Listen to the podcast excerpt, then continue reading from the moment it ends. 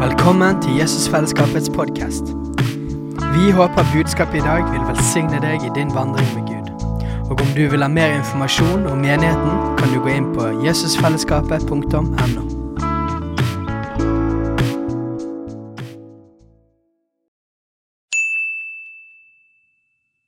Hei! Visste du at Jesusfellesskapet starter en ny bibelskole til høsten? Den heter Jesusskolen og starter den 3. september. Gå inn på jesusskolen.no for mer informasjon.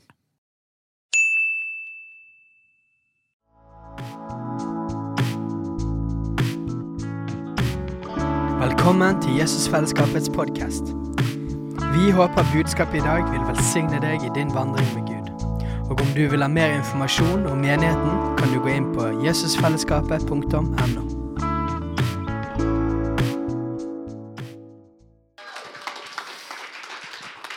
Ok. Spennende det der med den fasten, altså. Bare få lov å si det.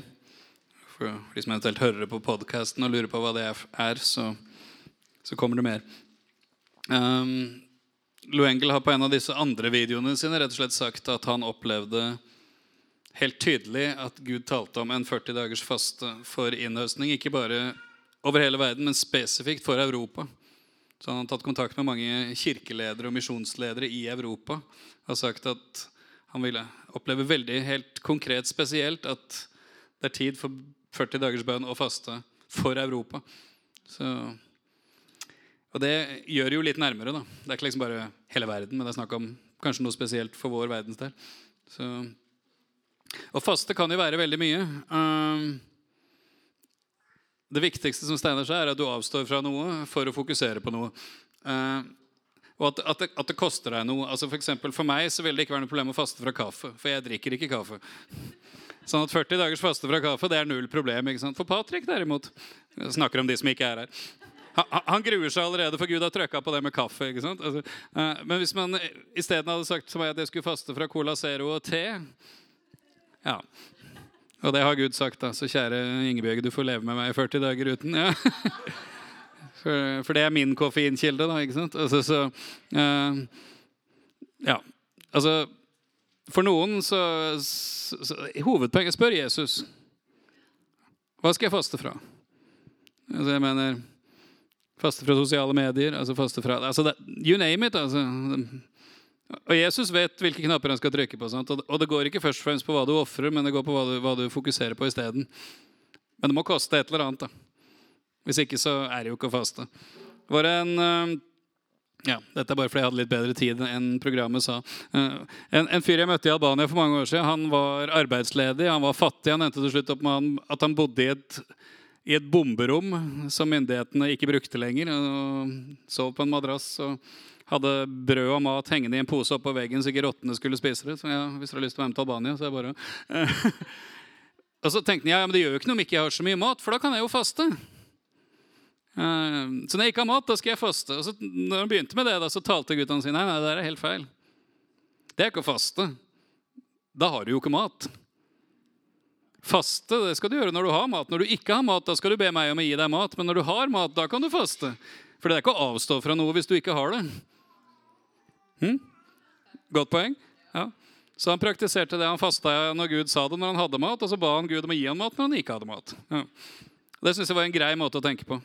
Ok, Nok om det, men jeg ble inspirert av det der. Jeg sa, oh, shabba. Ja. Det blir, blir, gøy, det der. altså. Det... Hvorfor det skjer noe spesielt når vi faster, det må du nesten spørre Gud om. Han sier bare at det gjør det. Det gir egentlig ingen mening, bortsett fra at han har sagt det. Og Da får vi velge å stole på han mer enn vårt eget hode. Ok? Så nok om det. Vi holder på, altså på med Fader vår, en guide til personlig bønneliv. Og som Kristine sa, så har Steinar hatt et par søndager. Eh, og nå er det min tur. Egentlig så er det litt morsomt, det der med Fader vår. Steinar har sagt noe om det allerede. Men altså, hvordan denne bønnen er blitt til en sånn fellesbønn som brukes på offentlige gudstjenester og sånne ting. ikke sant? Uh, jeg har ikke noe imot det. For all del fint, det. Men hvis du leser sammenhengen før Jesus begynner på bønnen, så høres det jo ikke veldig mye ut som offentlig gudstjeneste. altså. Gjør det det? Matteus kapittel 6. En ny bibel, så den legger seg ikke sånn som jeg vil. Så jeg, må liksom, jeg må slåss med den hver gang jeg skal bruke den. Altså, liksom, Ligg. Nei, han vil ikke det. Gi den et par år, så Men du vet det er et godt tegn når du må kjøpe ny bibel for den gamle faller fra hverandre. Det, det er jo et godt tegn, da. Ja. Uh, Matteus 6 fra vers 6. Men når du ber, gå inn i ditt bønnerom, og når du har lukket døren, skal du be til din far som er i det skjulte. Din far som ser i det skjulte, skal belønne deg åpenlyst. Høres ikke veldig mye ut som offentlig gudstjeneste for meg. altså. Dette er introen. Introen til Fader vår er ikke Og så når dere følger liturgien og har kommet til rett punkt, da skal dere be denne bønnen her. Jeg har ikke noe imot at man gjør det. Jeg har ikke noe imot liturgi. Vi har liturgi, vi òg. Vi har program. det er ikke noe, altså, Poenget er om det funker eller ikke. Ikke at det gjøres for det. Sånn må vi gjøre det. Når dere ber, så ikke bruk meningsløse gjentagelser slik folkeslagene gjør, for de tror de blir bønnhørt pga. sine mange ord. Vær derfor ikke som dem, for deres far vet om alt dere trenger før dere ber ham. For mange så har jo Fader vår nettopp blitt en sånn meningsløs oppramsing. Altså, jeg kunne den så utenat når jeg var barn og gikk i kirka, at jeg, jeg, kunne fint stå og tenke på om Liverpool kom til å vinne senere på dagen, eller hva som var til middag, og be Fader vår, og jeg kunne det ordrett. ikke sant? Det er ikke mye hjerte i det. altså. Hm? Hvor mange har gjort sånt? liksom trosbekjennelsen. Sånn, Jeg tror på Gud Fader, lurer på om vi får kjøttkaker i dag. liksom. Altså, det er ikke det jeg sa, men det gikk gjennom hodet. ikke sant? Altså, selv trosbekjennelsen er vanvittig bra, det nå. Altså, det er jo krutt hvis du virkelig leser hva som står der. Men hvis ikke hjertet er med i ting, så blir det meningsløse gjentagelser. Og meningsløse gjentagelser er ikke noe poeng. altså. Um, og Du ser det enda tydeligere hvis du går til Lukas-introen. Fader vår kommer jo i to utgaver. Én for disiplene og én for kanskje, kanskje flere. Og I introen til den i Lukas, Lukas 11, vers 1-2 så, så, ser du veldig tydelig også det at uh, dette har ikke med en offentlig bønn som skal bes akkurat sånn å gjøre. Lukas 11, 1. Men Jesus, mens Jesus var på et sted og ba, sa en av disiplene hans til ham da han var ferdig, 'Herre, lær oss å be slik som Johannes lærte disiplene sine.' Da sa han til dem, 'Når dere ber, skal dere si.' Og så kommer bønnen. Disse disiplene de var jo sammen med Jesus, og de så helt tydelig at bønnelivet hans var viktig. De så hva han gjorde, de så hva han sa, og de skjønte det at hm, hemmeligheten her er ikke det han sier og gjør i det offentlige. Hemmeligheten er hva som foregår i det skjulte før. For å knytte det tilbake til introen i Matteus. Så når de sier 'lær oss å be', så sier ikke disiplene 'Jesus, kan ikke du gi oss en formel som hvis vi ber det hver gang, så får vi alltid svar'? Eller Jesus, kan ikke du lære oss en bønneteknikk som funker hver gang? Da er vi over i andre religioner, for å si det sånn. Når de sier 'lær oss å be', så sier egentlig disiplene like gjerne 'Jesus, lær oss å ha den relasjonen til pappa Gud som det du har'. Det er egentlig det de sier. Lær oss å ha den relasjonen til Gud som det du har. Og det må ligge i bakhodet når vi går inn i selve Fader vår. Det var egentlig bare en litt sånn touch på ting som Steinar har sagt tidligere. Og Steinar forkynte aldeles glitrende forrige uke på det første verset i Fader vår. altså Derfor skal dere be slik. Nå er jeg tilbake i Matteus 6, vers 9. Vår Far, du som er i himmelen, la ditt navn holdes hellig. Steinar forkynte aldeles glitrende på det med Gud som pappa og relasjonen der. Hvis ikke du har hørt det, så anbefales podkasten på det varmeste.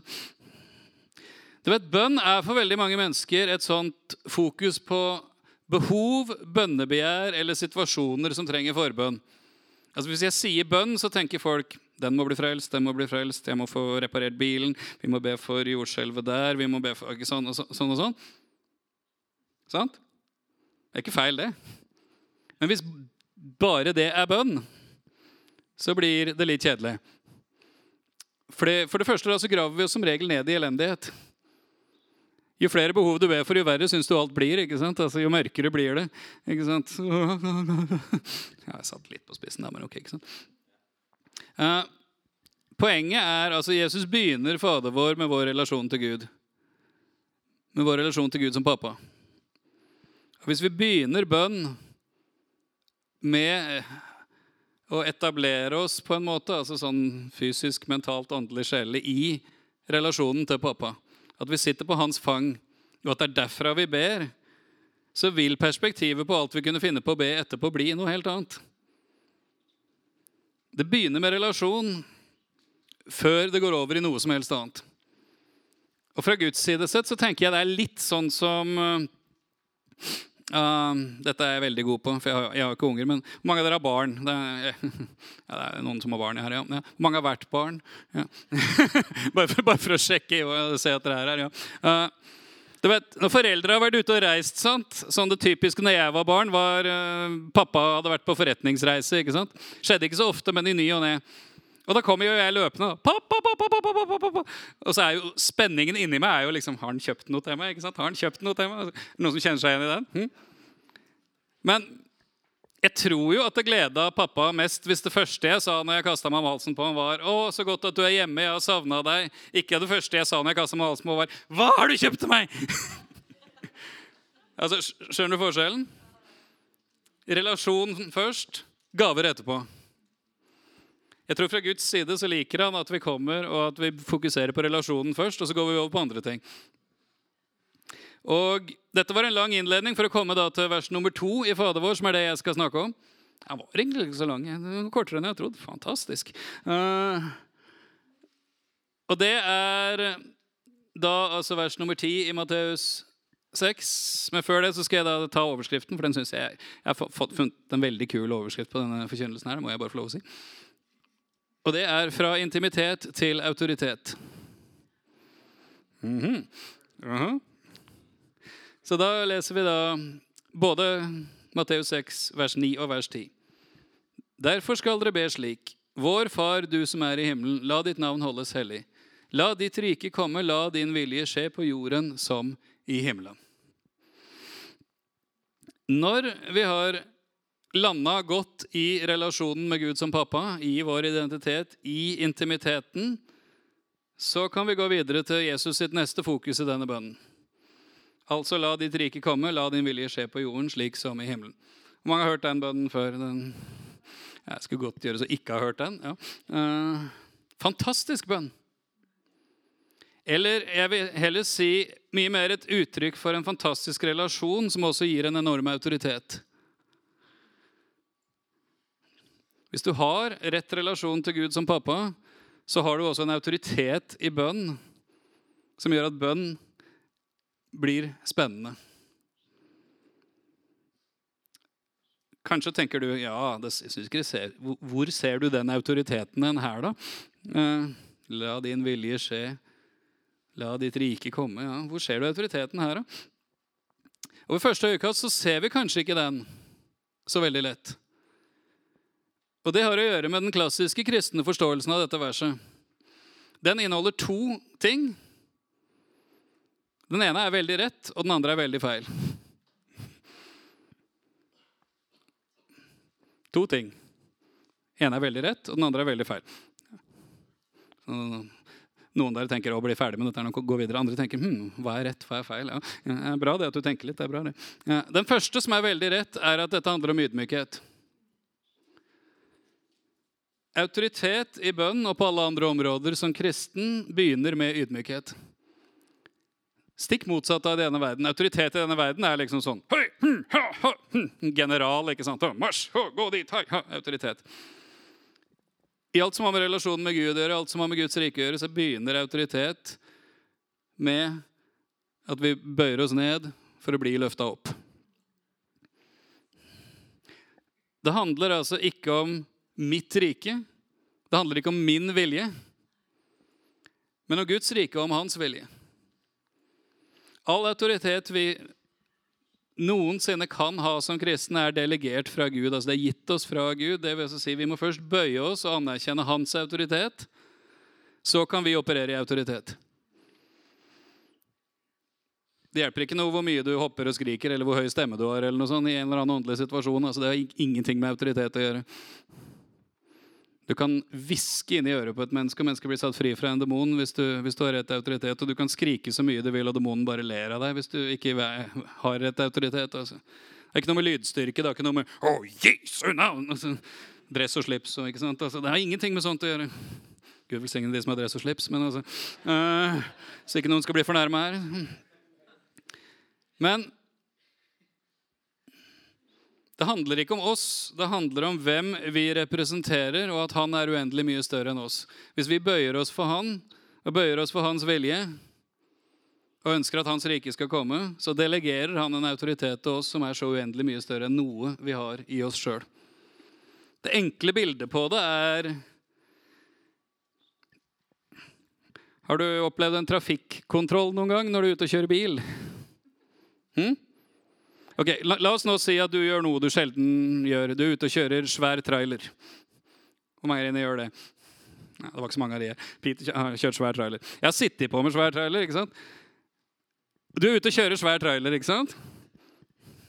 30 tonn med henger. ikke sant? Kommer dundrende nedover veien. da. I 120 i en 80-sone. ikke sant? Å, fy og fy. Oh, føler deg som konge på veien. Kul musikk. Og der, der, der, gutta skjønner hva jeg snakker om, og noen av jentene også. Halleluja. Uh, og så plutselig, på en lang, rett strekning, så tar et menneske et steg ut og gjør sånn, ikke sant? Og du kjenner igjen uniformen, du, du vet hvem som står der. Der står onkel eller tante politi, alt ettersom hvor politisk korrekt vi skal være. Men en politiperson, da i hvert fall. Samme om det er mann eller dame. Da kunne du lett tenke den lille fjerten der, jeg har 30 tonn og full fart. Jeg bare feier det mennesket ned. Det er ingen problem. Du kunne ha tenkt det, sant? Altså Rent menneskelig sett Den personen som tar steget ut i veien foran et vogntog som kommer i 120, har jo ikke en sjanse. I det hele tatt. Altså det, det er så lett match som det går an. Men du gjør jo ikke det av én en enkel grunn. Og det er at Den personen som tar steget ut, representerer så uendelig mye mer enn seg selv. Hvis du kjører over den personen der, så er det jo ikke bare den personen du får problemer med. Du får problemer med hele Norge. Du får problemer med Norges lover, du får problemer med norske myndigheter, du får problemer med staten, med alt det den norske stat innebærer. For den personen, når den har uniformen på, representerer ikke seg selv. Den representerer hele landet. Det er autoritet. Og Hvis du har en rett relasjon til din pappa i himmelen og lever i den relasjonen, så er det en sånn autoritet du representerer i det åndelige. Da kan jo bønn begynne å bli spennende, kan ikke det?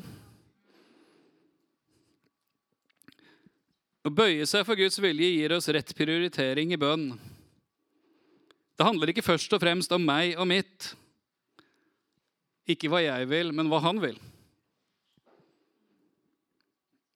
Vi kommer videre i Fader vår andre søndager til det som går på våre behov, Guds omsorg for oss, hva han tenker om vår relasjon til andre. og sånne ting. Så De tingene er viktige for Gud, de òg. Men første steg etter relasjon er hva ligger på hans hjerte. Hva er hans vilje? Hva vil han? Ikke hva vil jeg? Og Jesus er jo et veldig tydelig eksempel på det. Hørt om Jesus, sant? Ja, bare se om dere er i live her. Ja. Mm, ja. Jesus er et tydelig eksempel på det. Jesus i Getsemane. Det var ikke noe han gleda seg til. Han visste hvor han var på vei hen. Og han sier, 'Far, hvis det er mulig, la dette begeret gå meg forbi.' Men ikke som jeg vil, som du vil. Og Jesus vasker disiplenes føtter. sant? Han underviser dem og sier, 'Dere kaller meg herre.' Med rette, for jeg er det. Men når jeg som er deres herre, nå har gjort dette mot dere, så skylder dere å gjøre det mot hverandre. Ganske ydmykende greie. Det står om Jesus at han faktisk tømte seg sjøl ut og ble en tjener. Og derfor er han høyt opphøyd over alle navn og over alt sammen. ikke sant? Vi må gå ned for å gå opp. Vi må være opptatt av Guds vilje, Guds rike. Ikke min vilje, mitt rike. Og Det er det masse autoritet og masse trøkk i. Men den andre sida av den klassiske forståelsen av dette verset er den som er feil. For den første er riktig. Ydmykhet først. Men den andre delen av den klassiske forståelsen av dette verset er passivitet. Og det skyldes et bitte lite ord som har sneket seg inn i oversettelsene av alle norske bibler, også de fleste engelske bibler. Et bitte, bitte lite ord som ikke engang er der på originalspråket. For de som liker sånt. Og det er dette ordet 'la'. La, la, la, la, la, la. La. la. La din vilje skje. Det høres ut som en sånn Ja, ja, ja, la det skje. Ja, ja. Nei, jeg, nei, jeg lot det nå skje. Det, det får nå skje, det som skjer. ikke sant? Høres veldig sånn passivt ut. La din vilje skje. Det blir en slags sånn skjebnetro. ikke sant? Ja, ja. Ja, ja. Det som skjer, det skjer. Jeg kan ikke si deg mer. ikke sant? Altså, altså Det blir en sånn Ja, ja. Det verste og klassiske eksempelet jeg har hørt, sagt direkte til meg en gang for mange år siden. Da sa en person følgende Vi ba for en person om at denne skulle bli helbreda, og det skjedde ikke. Så da var det nok Guds vilje da, at personen ikke skulle bli helbreda. I verste fall da var det nok Guds vilje da, at personen døde. Ikke sant? Mange har hørt sånne ting. Da blir det en sånn skjebnegreie. Vi, vi ber. Ja, skjedde det ikke noe? Nei, da var det Guds vilje. Klassisk greie. Altså. Det, det, kan høres veldig fromt ut, men det er ikke bibelsk. Fordi det ordet 'la', eller 'lett' på engelsk, som regel, regel står, det står ikke der. Uttrykket skulle egentlig vært 'ditt rike komme, din vilje skje'. Ikke 'la'. Det skulle faktisk mye mer vært som det sto i den gode gamle 1930-oversettelsen. Komme ditt rike. Skje din vilje. Fordi begge ordlydene i de to setningene er aktive, bydende. Det som for de som fulgte med i grammatikken, kalles imperativt. Altså en befaling. Altså, John Arnott pleide å si at bønnen skulle mye mer være 'Kingdom come, will be done'. Altså befaling, autoritet. Og da, før noen protesterer, så går det ikke på å befale Gud. Men det går på å befale sammen med Gud mot et annet rike og mot en annens vilje. Det andre verset i Fader vår er så langt fra passivt som det går an å komme. Det som kommer fra Jesus her, er en krigserklæring mot djevelen og hans hær og all ondskap og elendighet som foregår i denne verden. Hørte du hva jeg sa nå? Det er faktisk det det er. Ikke noe mindre. Og det har å gjøre med hvordan vi forstår uttrykket Guds rike. Guds rike er ikke et fysisk rike, det er ikke et sted sånn. Det sier Jesus veldig tydelig. Guds rike handler om området der Gud regjerer. Altså Det handler om uttrykket for Guds makt, Guds autoritet og Guds vilje. Og Det viser seg veldig tydelig i siste setningen i verset. Slik som i himmelen. Altså på jorden, slik som i himmelen. For hvor mange av dere tenker at i himmelen, ja, der hender det at Guds vilje skjer. En gang iblant så skjer Guds vilje i himmelen. Liksom. Sånn, hvis Gud har en god dag, så skjer, skjer hans vilje i himmelen. Hvor ofte skjer Guds vilje i himmelen? Hele tiden. Himmelen er altså stedet hvor Gud regjerer 100 Det er bare Guds vilje som skjer. Så hvordan vil det da se ut hvis Guds rike kom, hvis Guds vilje kom her på jorden slik som i himmelen? Da må vi nesten se på hvordan det er i himmelen. Hvis vi skal be om at det skal være på jorden som det er i himmelen, da må vi nesten se på hvordan det er i himmelen. da, må vi ikke det? Hvis vi skal be om at noe skal ligne på noe, så må vi nesten se på hva det skal ligne på. Da? Altså, ja. Ok, Da tar vi noen vers som stort sett bare leses i begravelse, men som handler om så uendelig mye mer. Det er ikke feil å lese det i begravelse, så det er ikke det jeg sier. Eh, Johannes' åpenbaring, kapittel 21. Noen som er med fortsatt? Ja, det er fint. Dette er bra, så jeg må bare få lov å si det sa til Ingebjørg tidligere dette blir bra. Så. Ja, det er bra. Johannes' åpenbaring, langt bak i boka. Eh, kapittel 21, fra vers 1 til 4.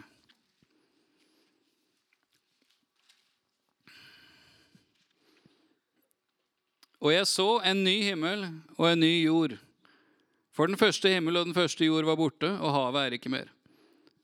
Og jeg, Johannes, så den hellige byen, det nye Jerusalem, komme ned fra Gud, ut fra himmelen, gjort i stand som en brud smykket for sin brudgom. Jeg hørte en høy røst fra himmelen som sa, Se, Guds bolig er hos menneskene, og han skal bo hos dem, og de skal være hans folk. Gud selv skal være hos dem og være deres Gud. Han skal tørke bort hver tåre fra deres øyne, og døden skal ikke være mer, heller ikke sorg eller gråt eller smerte skal være mer, for de første ting er blitt borte. Så hvordan er det i himmelen? Hvis vi tar vers 4 på alvor, da. Ingen tåre, dvs. Si det er ingenting å bli lei seg for. Altså Det skjer ingenting vondt. Ingen død. Det vil si det er jo ingen som blir syke heller. da så man kan dø av det. Ingen sorg eller gråt eller smerte, verken fysisk, sjelelig eller åndelig, er i himmelen.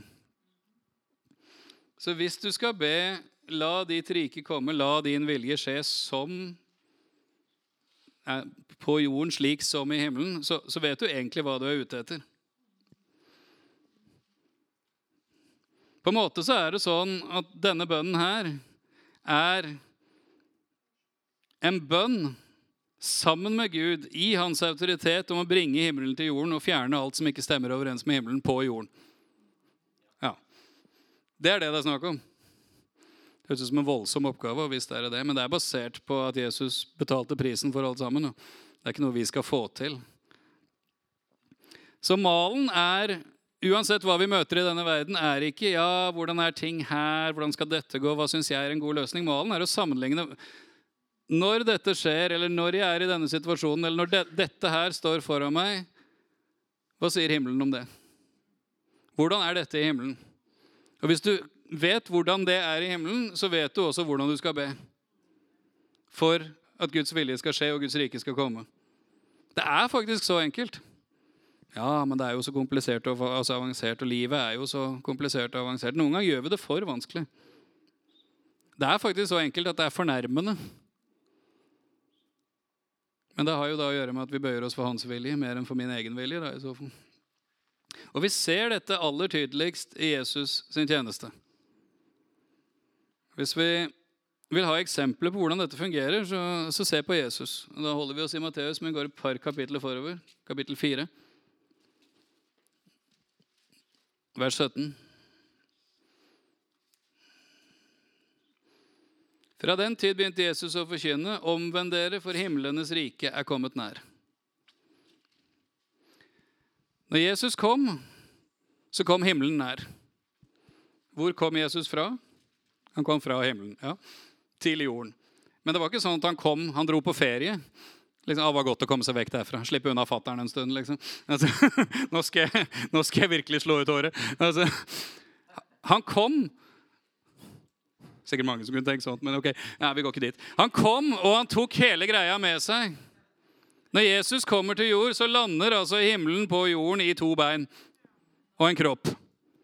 Når Den hellige ånd kommer over Jesus og han begynner sin tjeneste, så er han altså himmelens representant på jorden. Da, altså, da kommer altså Guds verden i full konfrontasjon med denne verden når Jesus kommer. Og Når han sier 'himlenes rike er kommet nær', så kunne det like gjerne stå 'himmelen er innen rekkevidde'. 'Within reach' er en av oversettelsene på engelsk. Altså, det vil si, når du er i nærheten av Jesus, så kan du gripe tak i himmelen. Det er himmelen fysisk til stede. Jesus kommer John Arnold pleier å bruke det klassiske bildet. Jesus kommer og gir smaksprøver av himmelen. Du kjenner til smaksprøver, sant? Mange av dere har vært sultne en dag etter jobb eller sånn, er, eller skolen, og så er du og handler på butikken. ikke sant, Så begynner du å putte litt ting oppi handlevogna, og så går du nedover en av disse her, liksom, gangene på en eller annen butikk, og så, så bare liksom Mm, mm, her lukter det godt. Så, så, bare blir du dratt av lukta. ikke sant? Og Der står det et hyggelig menneske i en eller annen uniform og sier 'Hei, har du lyst til å smake på et eller annet?' ikke sant? Og det har du jo selvfølgelig. Du er sulten. Og det er jo ikke sånn at det mennesket i uniform står der i sin godhet for å gi deg mat på en ettermiddag. Det mennesket gir deg smaksprøve med å tenke at hvis du får smake dette, så vil du tenke dette var godt, dette vil jeg ha mer av. På en måte så er det det Jesus gjør. Han kommer, han gir smaksprøver av himmelen for at folk skal ville ha mer. A taste of heaven.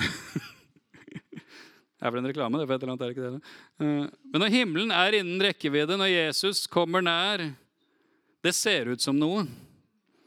Og Du skal ikke gå mange versene lenger ned i Matteus 4 før du ser hva det ser ut som. Hvis vi tar vers 23-25. Jesus gikk omkring i hele Galilea, underviste i synagogene og forkynte evangeliet om riket, og helbredet alle slags sykdommer og alle skrøpeligheter hos folket. Ryktet om ham spredde seg utover hele Syria. De bar til ham alle syke mennesker som led av forskjellige sykdommer og plager, både de som var demonbesatte, månesyke og lamme. Og han helbredet dem. Store folkeskarer fulgte ham fra Galilea, fra Dekapolis, Jerusalem, Judea fra området bortenfor Jordan. Sånn ser det ut når himmelen kommer nær. Helbredelser, befrielser, evangeliet forkynnes med kraft og autoritet, og ting skjer. Det er himlenes rike har kommet nær. Så når Jesus lærer disiplene å be det han lærer de å be i, i disse her La ditt rike komme, la din vilje skje på jorden slik som i himmelen, så lærer han de egentlig bare at i bønn så skal de fortsette det oppdraget han begynte på. For det er det Jesus gjør. Når Jesus helbreder mennesker, så er det fordi himmelen kommer, fordi Guds rike kommer, fordi Guds vilje skjer. Jesus befrir mennesker, så er det fordi Guds vilje skjer, osv. osv. Og det han egentlig sier til disiplene her, er at dere skal fortsette å gjøre det samme som det jeg gjorde, i den autoriteten som jeg har gitt dere. Og da begynner jo bønnen å bli ganske spennende. Da. Altså, da begynner bønnen å bli mer enn Ja, kjære Jesus, du ser tante Olga som har så vondt i den tåa der. Kan ikke du være så snill å gjøre noe med det, da, Jesus? Kan ikke, du, kan, ikke du, kan ikke du ha litt hjerte for tante Olga, da, Jesus? Hun har det jo så vondt, stakkar gamle damen. Kan du ikke ja. Ok, jeg, jeg, er stygg nå? altså Jeg vet med 100 sikkerhet at Guds vilje og Guds rike i forhold til den vonde tåa til tante Olga er I Jesu navn så taler vi til den vonde tåa til tante Olga og befaler at den skal bli helbreda. Helligånd kom med det Jesus betalte prisen for. Vi løser det ut, binder alt som hindrer helbredelse, løser ut helbredelse i Jesu navn for tante Olga. Amen. Ikke Ja, Jesus, hvis det, hvis det skulle være din vilje, da, så kunne ikke du se til denne vonde tåa til tante Olga, da, stakkar. Altså, det er jo ikke tro. Det er å prøve å få Gud til å vise litt sympati, liksom. Jesus har allerede gjort absolutt alt som skal til for at den tåa skal bli helbreda. Det gjorde han på korset for 2000 år siden. Han kjøpte det, han betalte prisen med sitt eget blod, med sin egen kropp. Bekrefta ved hans egen oppstandelse. Han har gitt oss sin ånd for at vi skal kunne gjøre ting i hans autoritet. Det er helt sant. Og dette verset i Fader vår viser oss at det er absolutt sånn det er. Relasjonen til pappa og fra pappas fang be med himmelen ned til jorden, sånn at Guds vilje kan skje, som i himmelen, så og på jorden. Du vet, Hvor du er hen i forhold til problemet, har veldig mye å si. Hvis jeg sitter her nede på jorden og ser på et fjell av et problem, da blir det fryktelig svært, altså. altså uansett hva det er. altså Om det er i mitt eget liv eller i menigheten eller i verden. altså det er fryktelig lett her nede fra jorda å se på et problem og bli overvelda av problemet. Hvor mange har gjort det noen gang? Jeg har gjort det mange ganger. Det, det, det er vi veldig gode på. Altså. Men hvis du begynner med at du sitter på pappas fang, at du er satt med Jesus i det himmelske Når det står om Jesus at han, er, han sitter i det himmelske, da, og vi er satt med han i det himmelske hvordan er det Jesus sitter der? Ifølge Freserbrevet så er han satt da over all makt og myndighet, over alt velde og herredømme, over alt som nå, nå, er, over alt som komme skal. Alt er lagt under hans føtter. Så hvis vi begynner med at vi sitter der, så kan vi se på ting på en helt annen måte. Og da, da ber vi også på en helt annen måte. Og da er det ikke noe problem å be. Komme ditt rike. Skje din vilje. Som i himmelen så på jorden. For hvis du vet at det er der du sitter, så vet du også at det er derfra du taler. Da kan man sammen med Jesus tale Guds vilje og Guds rike inn i situasjoner og være med og se at de forandres. Og da blir bønnen noe mer enn handlelista. Altså. Selv om bønnelister er bra, så lenge de bes med hjertet, de òg. Altså. Ha lister over bønnen for mennesker som er sjuke, som trenger å bli bedre, eller mennesker som du vil skal bli frelst osv. Det, det er veldig bra. det. Så lenge ikke det blir bare en sånn Ja, nå har jeg bedt gjennom lista, nå har jeg vært flink. altså, så lenge hjertet er med i det, så er det veldig bra, det. altså. Men det er jo vanvittig, da, den autoriteten Jesus har gitt i bønn. Hvis vi holder oss i Matteus og nå begynner vi å nærme oss slutten hvis vi holder oss i Matteus kapittel 18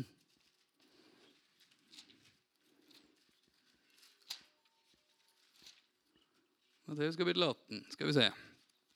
Slutten av kapittelet der. Jesus snakker med disiplene om disse tingene her, så Nei, det var ikke slutten av kapittelet. Bare tuller. Det var midt i kapittelet. Ja, ja. Matteus 18, 18. Sannelig sier jeg dere, det dere binder på jorden, skal være bundet i himmelen, og det dere løser på jorden, skal være løst i himmelen. Igjen sier jeg dere, om to av dere på jorden blir enige om noe dere vil be om, skal det bli gjort for dem av min far i himmelen, for hvor to eller tre er samlet i mitt navn, er jeg midt iblant dem. Ok. Nå begynner det å ligne på noe. Litt sånn tungvint greie, dette her. altså det dere binder på jorden, skal være bundet i himmelen. Altså, okay. uh, jeg tror like gjerne det står det dere binder på jorden, skal være bundet i det himmelske. Altså for det er det det er snakk om. Altså Ikke himmelen, type der Guds vilje skjer, men i den åndelige verden. Altså Der engler og demoner og alt mulig sånt fins. Og det dere løser på jorden, skal være løst i himmelen. Begge deler er, er rett, og det er spennende. ikke sant? Altså Fordi det går på himmelens autoritet å operere da med himmelens autoritet på jorden. Spennende greie, altså. Det dere binder på jorden, bundet i himmelen. Der skjer Guds vilje bestandig. Så ok, da binder Gud det i himmelen, og så skjer det noe. Det dere løser på jorden, da løser Gud i himmelen, og så skjer det noe. ikke sant? Og så foregår det ting da i den åndelige verden som flytter på ting og forandrer på ting. Og, om to av dere på jorden blir enige om å be om noe de vil be om, skal det bli gjort for dem av min far i himmelen. Selvfølgelig da under vinklingen 'la din vilje skje', 'la ditt rike komme'. ikke sant? Altså, å Gud, jeg er enig. Vi er, Steinar og jeg er enige om at han trenger en ny Ferrari. ikke sant? Altså. Det er selvfølgelig innunder at det er Guds vilje. Da, ikke sant? Altså.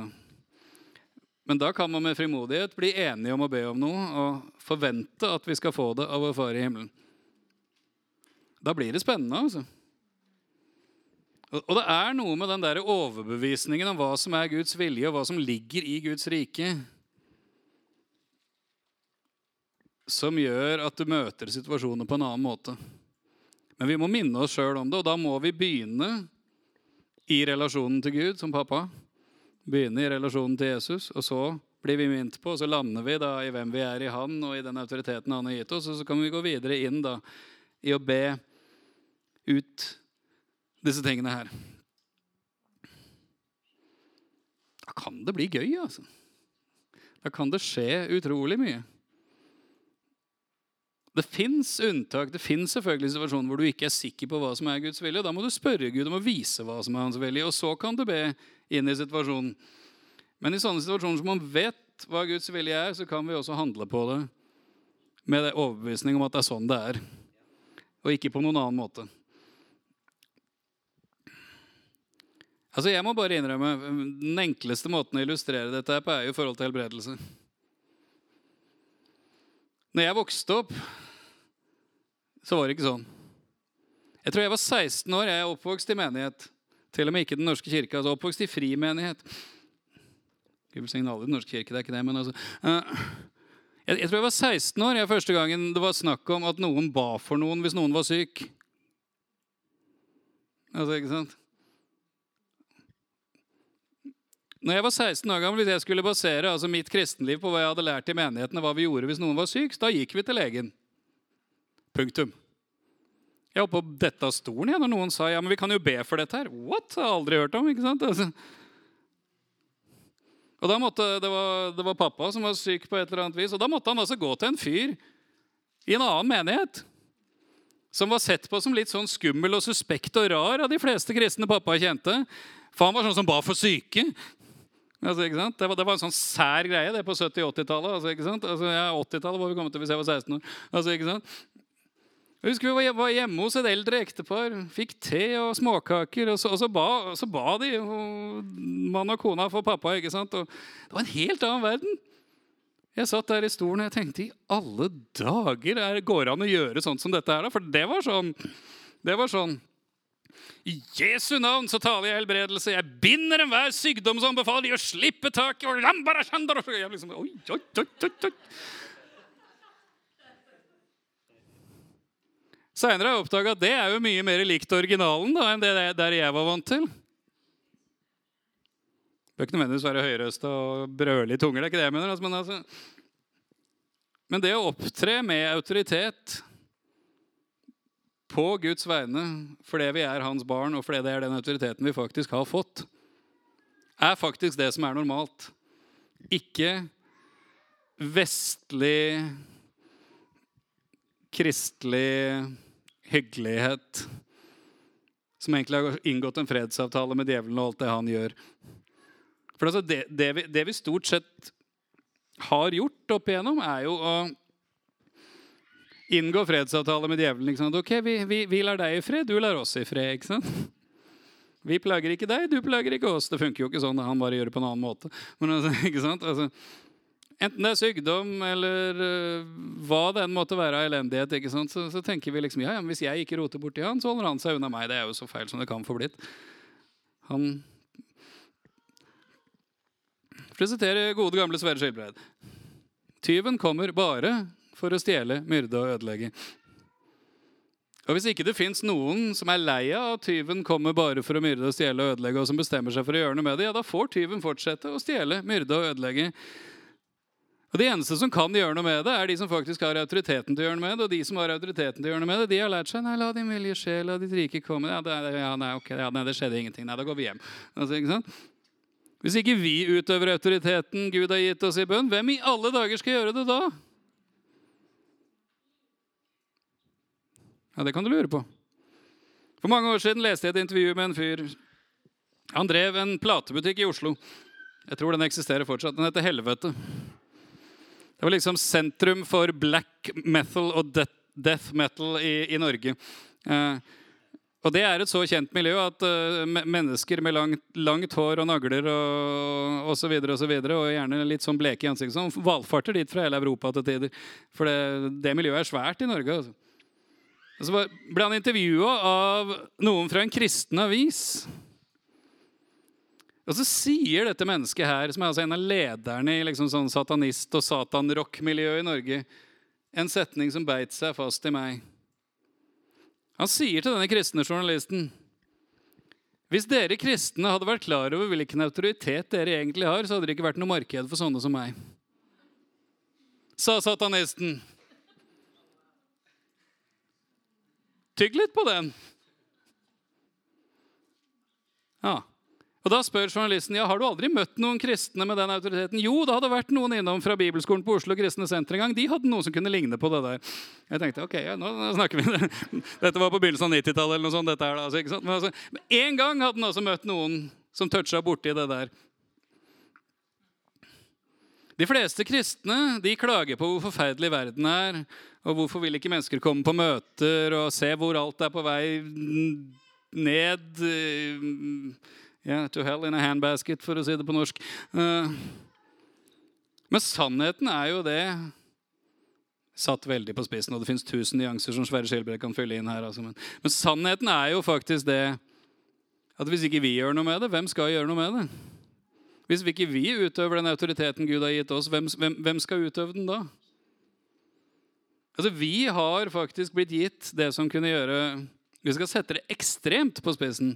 Som kunne gjøre både satanister, healere, helsevesenet og massevis av andre arbeidsledige. altså. Fengselsvesenet. Ja, faktisk. Bare se på evangeliesenteret, det. Mennesker som har vært ut og inn av fengsler og gitt opp på absolutt alt og alle møter Jesus og blir produktive samfunnsborgere. For det så vil politikerne ta fra de statsstøtten fordi de har obligatoriske andakter. Logikken er slående. altså. De fleste offentlige rustiltak, hvis de har mellom 5 og 10% suksess, altså i det antall mennesker som kommer til dem, 5-10% blir rusfri, så er det kjempesuksess. Evangeliesenteret ligger på et sted mellom 75 og 80% Og for det så vil politikerne ta fra de statsstøtten fordi de har obligatoriske andakter. Bare stikke fingeren i jorda og spørre seg hva som funker. altså. Og hvorfor funker det? Fordi det er noen Les faktisk et ektepar som ble radikalt frelst og fikk et nytt liv, og som skjønte at det Jesus har gjort for meg, kan han gjøre for andre også. Lise og Ludvig Carlsen begynte med omtrent null kroner på kontoen og innreda fire køyesenger i garasjen sin og begynte å ta inn mennesker de kjente, for å sette dem fri fra rus. For 40 år siden eller noe sånt. Jeg vet ikke hvor mange tusen mennesker som har blitt forvandla gjennom det i løpet av, i løpet av de årene. altså. Hvis ikke vi gjør noe med det, hvem skal gjøre noe med det da? Hvis ikke vi er opptatt av at Guds vilje skal skje, og at Hans rike skal komme, som i himmelen, så og på jorden, hvem skal gjøre det da? Og så vet jeg at det jeg sier nå, er fryktelig enkle løsninger. og Vi har alle våre historier. Vi har alle bedt for mennesker som ikke har blitt helbreda. Vi har til og med bedt for mennesker som har dødd. ikke sant? Vi har alle bedt for, for mennesker som vi vil skal bli frelst, og kanskje har det ikke skjedd ennå. Vi, vi, har alle våre nederlag. Jeg tar det 100% på alvor. Men det forandrer ikke sannheten. Og det forandrer ikke oppdraget. For i så fall så gir vi djevelen og verden rett mer enn Bibelen og Jesus. Og da har vi slutta fred med djevelen. altså. Da har vi skrevet under og sagt hvis ikke du plager meg, så plager ikke jeg deg. Vi må leve med smerten og tapene. Og ikke kunne alltid ha noen god forklaring på hvorfor. Men det betyr ikke at vi skal senke standarden for Guds vilje ned til vår virkelighet. For da blir det ikke som i himmelen så og på jorden. Da blir det som på jorden så og på jorden. Og det funker ikke, altså. Men halleluja. Det funker å be. Det funker å utøve den autoriteten som Jesus har gitt oss, basert på at Jesus har plassert oss der vi er satt med Han i det himmelske. Og be gjennom at Hans vilje skal skje, og at Hans rike skal komme. På jorden slik som i himmelen. Amen. Hei, alle sammen. Det er Katrine og Steinar Lofnes her. Vi er hovedledere for Jesusfellesskapet. Så kjekt du har lyttet til denne podkasten. Har du forresten hørt noen av de andre podkastene våre? Ukens tale, Disippelskolen, Hyrdepodden, Kulturkrigen og Mammas hjerte. Du finner disse podkastene på Spotify, Apple Podkaster og på nettsiden vår jesusfellesskapet.no.